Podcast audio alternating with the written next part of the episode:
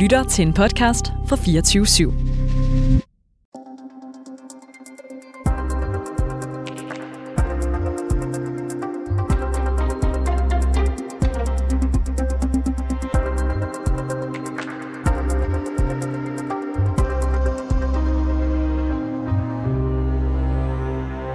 Fredag skete det langt om længe. Barnets lov blev første behandlet i Folketinget. Loven den skal dels sørge for, at flere børn bliver fjernet fra hjemmet i tide, og dels sikre bedre og tidligere hjælp til udsatte familier. Som det ser ud nu, så forventes loven at træde i kraft til efteråret. Og det er altså ikke en dag for sent, hvis man spørger Social- og Boligminister Pernille rosenkrantz teil fra Socialdemokratiet. For, loven, øh, for med loven, der bliver børns retssikkerhed styrket, og kommunerne de bliver forpligtet til at sætte ind tidligere. Der er bare et problem. Flere af lovens salgsargumenter, de eksisterer allerede i lovgivningen i dag. De bliver bare ikke overholdt. I dag spørger vi, om der er brug for ny lovgivning, eller om det bare er en ny etikette på en dårlig flaske vin. Det er reporterne. Mit navn er August Stenbrun.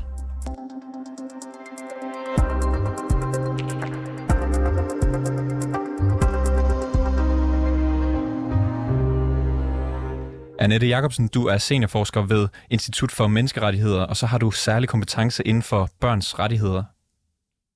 Jo, det skulle passe. Er der brug for den her nye lov? Og altså, det er jo en meget stor lov, så man kan sige, øh, og den, hvad skal man sige, den viderefører jo også i virkeligheden rigtig meget fra den eksisterende lov, serviceloven. Øh, så man kan sige, der er mange ting i den, som for så vidt øh, har, har fungeret vældig godt, og noget af det måske mindre godt i mange år, så den er kun til dels ny.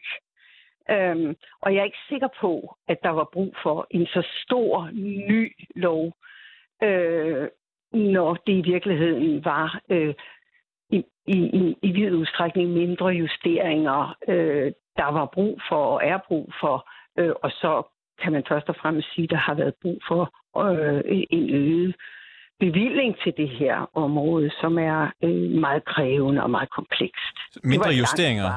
Mindre justeringer efterspørger du. Hvad er det for nogle justeringer? Altså, ja, altså vi har jo vidst i mange år, at det var svært at leve op til lovens krav øh, om øh, for eksempel grundigheden af at inddrage børnene i hele processen. Det har været et svært, øh, en svær udfordring i overvis, men det var et krav også i den eksisterende lov, og det bliver det jo også i den nye lov. Men det er bare svært at leve op til i praksis. Øhm, og der har været brug for sikkert forskellige ting, blandt andet måske også videreuddannelse af socialrådgivere på nogle områder, men der har også været brug for en opgradering af de ressourcer, der er tilgængelige i kommunerne på det her område, så socialrådgiver simpelthen får bedre tid til at lave et rigtig godt socialfagligt arbejde herunder og inddrage børn ordentligt. Altså det er bare for at give dig et eksempel. Det er tidskrævende at lave godt og grundigt socialarbejde, fordi du skal inddrage både børn, men også deres forældre i meget vanskelige afgørelser. Så hvis vi ser Så, på de uh, udfordringer, der sådan tydeligvis er med at behandle børnesager, og ikke mindst behandle dem korrekt, så er det mm. ikke lovgivningen, der er det store problem, men nærmere, at uh, den skal overholdes? Altså det, det synes jeg godt, man kan sige et langt stykke af vejen. Det har ikke været lovgivningen, der har været det egentlige problem. Vi har haft en udmærket lovgivning, der også er opbygget gennem mange, mange år måske knopskudt og måske lidt uoverskuelig og ikke helt konsistent, men dog en god lov. Og, og, og problemet har først og fremmest været at leve op til lovens krav og, og når man sikre, ikke... at også der var tid til et ordentligt socialfagligt arbejde. Og når der så for eksempel er de her børnesager, som ikke bliver behandlet korrekt, der er loven, der ikke bliver overholdt, hvad, hvad er det så, der øh, hvad kan man sige, giver anledning til, til de problemer? Jamen altså, det, det er jo, at der er et meget stort pres på socialforvaltningen, børnefamilieafsnitten i kommunerne. Det vil jeg mene er en vigtig årsag, der betyder, at der er ikke rigtig tid til, til den grundighed, der skal til. Der er et stort gennemtræk af medarbejdere, fordi det er et meget presset felt. Og der, det kan godt virke utrolig stresset at skulle arbejde meget hurtigt med meget komplekse sager. Og det betyder, at der er sådan et for stort flow af medarbejdere, der kommer for mange nye ind, der er for lidt kontinuitet, og der er for lidt tid til den enkelte sag. Og det er sådan løs... lidt gennemsnitligt betragtet. Ikke? Og Men de her tror, problemer, løser barnets det lov... Det værste udfordring. Løser barnets lov de udfordringer? Det tror jeg desværre ikke, den gør. Altså, der, der kommer flere penge til området. Det skal man jo huske at værdsætte. Men om det er nok, og om det ikke, i, i hvert fald de første år, forsvinder i, at kommunerne også skal bruge tid på nu at lære ny lov at kende, og få den kørt ind, både på sagsbehandlerniveau, men også på ledelsesniveau, det er jo en, det er en stor proces, der tager ekstra tid, ekstra ressourcer. Og der er også ekstra ressourcer, men spørgsmålet er, om de virkelig kommer ud til børnene og familierne, fordi de må meget nemt drukner i sådan, hvad skal vi sige, byråkratisk opgradering, ikke? sådan så man får lært øh, de nye paragrafer at kende, og hvad de egentlig indeholder, osv. Vi talte tidligere i dag med Gitte Let Thomsen, hun er advokat og stifter af det, der hedder Barnets Stemme. Hun mener ikke, at loven, som den er i dag, er problemet, men derimod, at den ikke bliver overholdt, blandt andet fordi, at socialrådgiver de ikke er klædt godt nok på i forhold til at kende og forstå loven. Mm. Er der i virkeligheden brug for mere uddannelse af sagsbehandlere og ikke ny lovgivning? Jamen, altså, der er jo ikke sådan et fix, der klarer det hele. Men uddannelse er et element, som ofte bliver efterlyst, også i forhold til den meget komplekse lovgivning, vi har. Så, så jeg tror, at noget kan godt klares med e, e, løbende efteruddannelse af socialrådgiver. Det er ikke gjort med sådan et, du ved, et kursus på to dage. Men løbende opgradering og uddannelse af socialrådgiver, men også, synes jeg, forståelse for, hvordan taler man egentlig fornuftigt med et barn om dets, eget, altså dens, dets egen familie og hvad der skal til, øh, hvis barnet er 12 år gammelt, og giver barnet et, en stemme og en indflydelse på egen sag, uden ligesom, du ved, der er mange konflikter i sådan nogle familier, og der kan et barn kan sættes i, i, i, i en meget stor loyalitetskonflikt, hvis det sådan også skal udtale sig om, hvad det synes, der skal ske i forhold til forældrene osv. Men altså, det er en meget svær opgave at tale godt med et barn, og inddrage et barn godt i dets egen sag. Du og det bliver for... ikke nemmere med den nye lov, hvor barnet jo øh, har de her rettigheder helt ned til det 10 år gammelt. Du nævnte før, at øh, det vil skabe øh, noget byråkrati og ligesom indføre de her nye lovparagrafer. Betyder det, at man sådan giver de i forvejen pressede socialrådgiver en ekstra byrde med den her nye lovgivning? Altså, der er jo meget byråkrati i forvejen. Det skal der jo også være. Der er en lang række regler, som også giver nogle sikkerheder for borgerne. Jeg siger ikke nødvendigvis, at den giver mere byråkrati, den nye lov, men det giver noget andet byråkrati, kan man sige. Ikke? Fordi det nu er nogle nye paragrafer, nogle nye formuleringer, som nu skal læres og forstås. Så derfor er der en stor byråkratisk manøvre med at lære den nye lov at kende og få den gennemført i praksis af dem, der arbejder med den. Og det er det, jeg mener er en byråkratisk manøvre. Og det kan godt tage flere år at komme ordentligt igennem det, så man ligesom får den ind, du ved, på rygmagen og ved, hvordan man skal handle i konkrete situationer. Og det er det, jeg frygter, at de penge, der bliver sat ekstra af, de kommer til ligesom at blive brugt til den her opkvalificering på ledelsesniveau, på medarbejderniveau, til at forstå den nye lov. Og så når man ikke ud til nødvendigvis, at det bliver en egentlig bedre service over for familierne ja, for det, for det, er, det er egentlig mit, mit sidste spørgsmål. Tror du alt i alt, når man lægger alt det her sammen, som, som der bliver indført nu, at man forbedrer anbringelsesområdet ved at indføre barnets lov? Det tror jeg ikke i første omgang, nej, desværre. Fordi jeg tror meget kommer til at drukne netop i de her, at man skal, man skal blive god til at bruge den nye lov. Og det kommer til at tage lang tid. Øh, og så er jeg heller ikke sikker på, at øh, den nye lov er et fremskridt på alle områder. Så, det, så jeg tror samlet set ikke, at vi kan være sikre på, at, det, at, at loven er et fremskridt. Annette Fej Jacobsen, du er seniorforsker ved Institut for Menneskerettigheder. Tak fordi du var med i programmet. Selv tak. Susanne Munk, du er formand for Foreningen Retssikkerhed i Familiers Trivsel, også kaldet RIFT. Velkommen til. Jo, tak.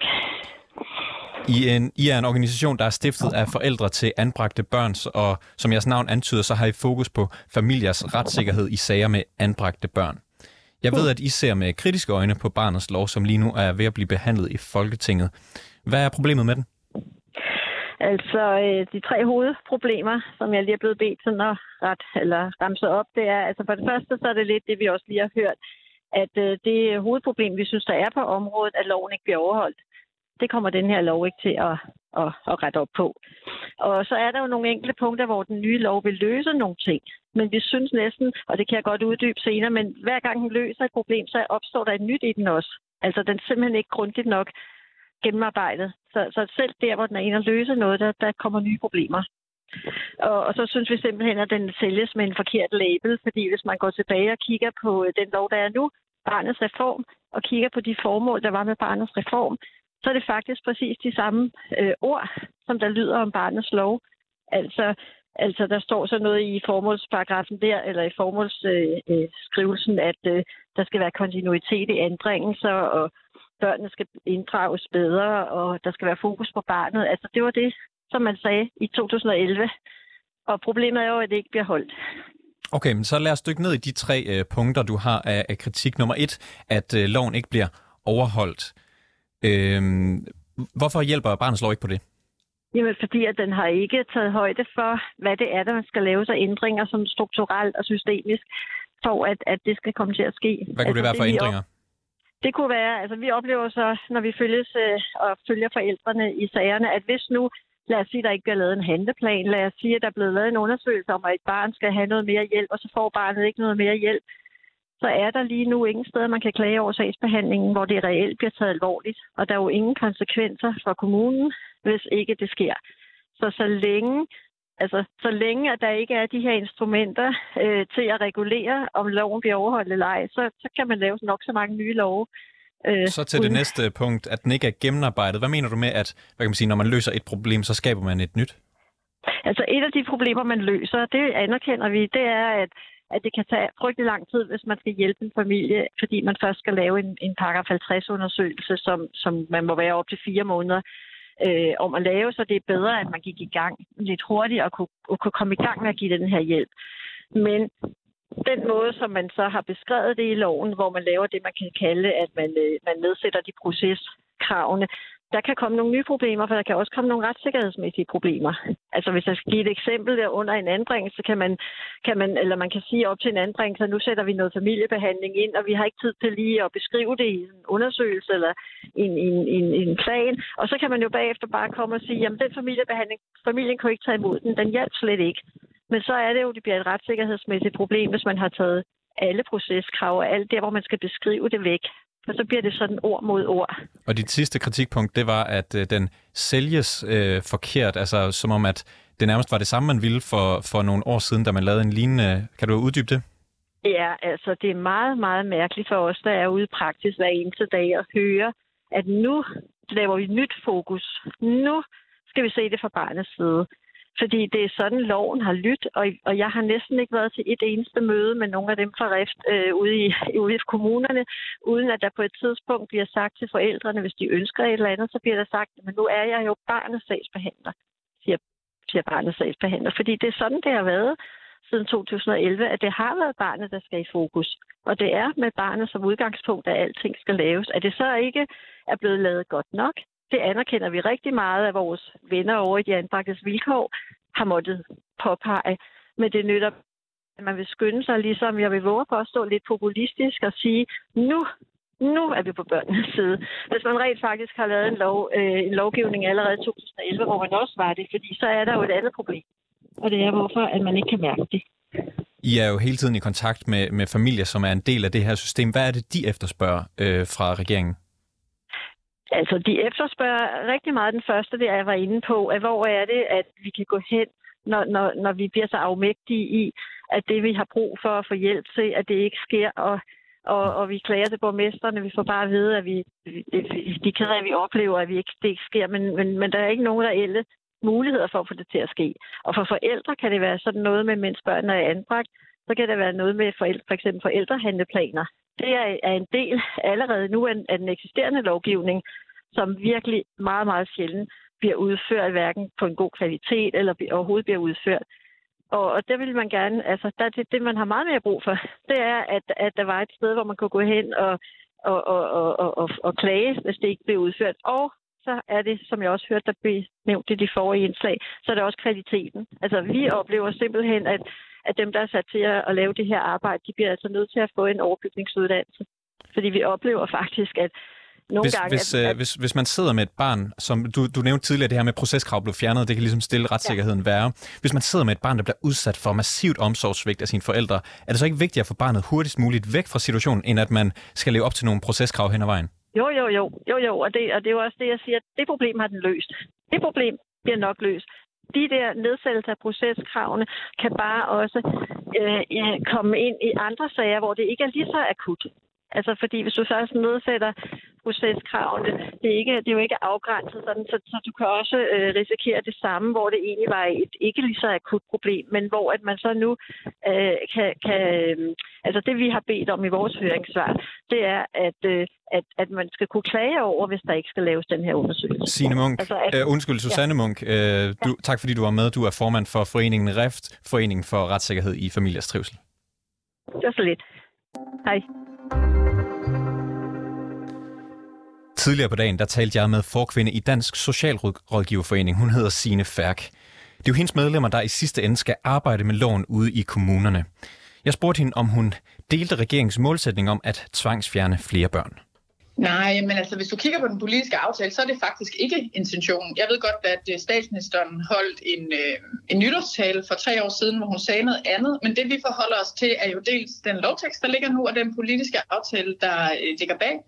Og den første øh, intention, der bliver listet der, det er sådan set, at flere udsatte familier og børn skal hjælpes øh, bedre og hurtigere. Og det er faktisk det, øh, som er det vigtigste for os i den her lovgivning, at der ligger den intention blandt andet, øh, og som betyder, at vi får et lettere sagsbehandlingsflow, hvor, hvor vi simpelthen skal bruge mindre tid bag en skærm og lave dokumentationsarbejde og skrivearbejde, og komme ud i familierne, tale med børnene, tale med familierne og få sat hjælpen hurtigere i værk. Så det har været en hoveddrivkraft på, at de har taget øh, positivt imod den her lovgivning. Som oplæg til, øh, til den her øh, lovgivning, da den skulle først behandles i fredags, der skrev øh, Socialminister Pernille rosenkrantz teil på Twitter også noget i retning af, at der i hvert fald var flere, der skulle øh, tvangsfjernes. Blandt andet henviser hun, når hun bliver spurgt om det, til det her med, at hvis søskende A øh, er blevet tvangsfjernet, så skal man automatisk kigge på søskende B, C og D. Altså, at det sådan rent logisk vil betyde flere fjernelser i, i hendes hoved. Øh, så jeg vil bare lige høre, anerkender du, at det i hvert fald er fra regeringens side, fra Socialdemokratiets side, en, en del af den her lov, at, der, at de vil have tvangsfjernet flere? Jeg ved godt, at øh, det har vi en socialminister, der synes, vi skal, øh, men det er ikke det, lovgivningen gør, vil jeg sige. Den rykker overhovedet ikke øh, på kriterierne for, øh, hvad betingelserne er for at kunne anbringe uden samtykke. Så er der en bestemmelse, der kommer ind omkring øh, søskende til anbragte børn. Øh, oprindeligt nogle af de ting, vi, vi fulgte med på sidelinjen, var der en automatik, øh, mere eller mindre, sådan at du automatisk blev anbragt, hvis din søskende var anbragt. Og det har vi fagligt været ude at angribe og sige, det, det giver ikke nogen mening, for der kan være rigtig god grund til, at lille søster eller lillebror ikke øh, skal anbringes. Det kan være, at der er sket en udvikling i familien. Det kan være, det er nogle helt andre problemstillinger, barnet har. Så det, man er landet på, som jeg synes er fagligt forsvarligt set fra en socialrådgivervinkel, det er, at hvis man vælger ikke at anbringe øh, øh, en søskende, øh, når man anbringer det første barn, så skal man argumentere for, hvorfor man ikke gør det. Og det synes jeg er fornuftigt, fordi det tvinger os som socialrådgiver og kommunerne til at forholde sig til, hov, er der et barn, vi faktisk bør have blik for her, også bliver udsat for omsorgssvigt eller noget andet. Øh, men samtidig giver det plads til fagligheden og mulighed for at sige, nej, der er faktisk nogle gode grunde til, at mor og far godt kan tage sig af lille søster, fordi øh, øh, barnet har måske ikke den samme diagnose, eller øh, barnet har en helt anden adfærd, eller det er øh, der er sket en udvikling siden den første anbringelse. Men, Så det synes jeg er landet fagligt fornuftigt. Men er det, har det været oplevelsen hos Dansk Socialrådgiverforening, at der har været et behov for at tvangsfjerne flere? Altså, har man bemærket, at der er nogen, man ikke har fanget? Har man bemærket, at, øh, at der var et behov for at, at fjerne flere? Det vi jo i hvert fald kan se i den undersøgelse, vi lige har, øh, har lavet blandt vores medlemmer, der sidder på området, det er, at der desværre øh, er en oplevelse af, at økonomien presser øh, socialrådgiverne og de faglige vurderinger rigtig hårdt. Så der er faktisk sådan, at øh, 60 procent af vores medlemmer svarer, at økonomiske hensyn øh, indimellem ofte eller altid står i vejen for fagligt korrekte anbringelser. Det kan både være, at barnet ikke bliver anbragt, eller at barnet bliver anbragt et forkert sted i virkeligheden. Øh, så der er i hvert fald en udfordring øh, ude i kommunerne med, at man er så presset og sidder og vender den sidste krone, at nogle gange betyder det, at en barn ikke bliver anbragt, selvom det burde, og at øh, barnet måske bliver anbragt i en billigere anbringelsesform, end det burde. Og det er et problem. Vi har talt med, med flere eksperter med indgående kendskab til lovgivningen her på området øh, herunder Gitte Let Thomsen, advokat og stifter af det, der hedder Barnets Stemme. Hun siger, at loven, som den er i dag, faktisk sikrer børnene og forældrenes retssikkerhed. Problemet er, at loven i dag ikke bliver overholdt ude i kommunerne. Du har i hvert fald lige sagt, at du i hvert fald støttede barnets lov. Er du enig i den betragtning, som Gitte Let Thomsen kommer med? Mm, jeg tror, at barnets lov kommer til at betyde en positiv øh, forandring, og det tror jeg både, fordi vi kommer til at hjælpe familier hurtigere, men også fordi der ligger et en styrket stemme til barnet og flere rettigheder til barnet. Men det er klart, at der er en kæmpestort problem, som barnets lov ikke løser i sig selv, og det er, øh, at området er utrolig presset, og socialrådgiverne har et arbejdsmiljø, der gør, at man begår fejl, fordi man simpelthen øh, ikke har tiden og muligheden for at lave sit arbejde godt nok. Og det kommer barnets lov ikke til at ændre på? Det kommer barnets lov, tror jeg ikke for alvor til at ændre på. Der er noget aflastning i, at vi fremover kommer til at være tilknyttet to socialrådgivere på de komplekse sager. Det kommer helt klart til at betyde et fagligt løft, tror jeg. Der er også noget øh, lettelse af sagsbehandling, som jeg tror øh, øh, kan aflaste socialrådgiverne. Men 90 procent af dem, vi spørger, oplever et højt eller meget højt arbejdspres. Det er et virkelig vildt tal. Og to ud af tre siger, at det faktisk har konsekvenser for kvaliteten af deres arbejde. I møde kommer man... barnets lov, at, øh, at de her 90 procent, som du nævner, øh, er, er, er presset? Jeg tror i hvert fald ikke, det er løsningen, hele løsningen i sig selv. Og det er jo det, vi har forsøgt at råbe op om med den her undersøgelse, vi har lavet. Det er, vi kvitterer fuldt ud for, at vi synes, der er nogle rigtig gode elementer i barnets lov. Men hvis man for alvor vil, vil sikre, at der kommer øh, god og hurtig faglig hjælp til udsatte familier i Danmark, så bliver man nødt til at gøre noget ved arbejdsmiljøet blandt socialrådgiverne. Fordi lige nu har vi ikke en situation, hvor vi har mulighed for at gøre vores arbejde godt nok. Så barnets lov er et godt skridt, et første skridt, men der ligger en kæmpe arbejdsopgave på politikernes bord, som de ikke har løst endnu desværre. Forestiller du dig, at arbejdspresset det bliver mindre, når socialrådgiverne de skal så til at lære en helt ny lovgivning med nye paragrafer og den slags? Det bliver selvfølgelig en kæmpe stor udfordring, og noget af det, vi kommer til at følge meget med i, er, at man får implementeret godt, og at man sikrer den øh, efteruddannelse og opkvalificering, som der er blevet lovet i forbindelse med implementering. Selvfølgelig bliver det en kæmpe øh, hvad hedder det, udfordring, og det understreger bare behovet for, at man skal have gjort noget ved det her arbejdsmiljø. Øh, to konkrete ting, man kan gøre, som jeg synes, politikerne skulle gøre i morgen, det er at sikre, at alle nyuddannede socialrådgivere bliver introduceret ordentligt på arbejdspladserne, bliver lært ordentligt op. Det sker ikke i dag, og det er et kæmpe problem. Det andet er at forpligte kommunerne til at sætte en grænse for, hvor mange sager man kan have ansvar for. Det er der faktisk ikke i dag kan følelsen af arbejdspres og den her lyst til at forlade faget, som halvdelen i jeres rundspørg giver udtryk for, at de overvejer, hænge sammen med, at socialrådgiverne ikke er klædt ordentligt på til at håndtere de her komplekse og juridisk tunge børnesager? Jeg tror, at socialrådgiveruddannelsen giver øh, os et rigtig godt udgangspunkt for at, at være socialrådgiver og stå i det rigtig hårde og belastende arbejde, der er. Men det er også en generalistuddannelse, så hvis man vil have rigtig dygtige socialrådgiver og socialrådgiver, som kan holde til det her arbejde, så kræver det en rigtig god oplæring, når man kommer ud øh, i praksis, fordi man er ikke specialiseret i børneområdet, når man kommer ud, og det er derfor, vi mener, der bør være obligatorisk oplæring og introduktionsforløb øh, for de nyuddannede. Fordi det vi ser i dag, det er, at alt for mange øh, forlader faget igen, fordi de simpelthen ikke kan holde til det, og rigtig mange nyuddannede bliver sygemeldte, fordi det er rigtig svært øh, at stå i det her, hvis man ikke er klædt helt godt nok på, og det kræver altså en oplæring.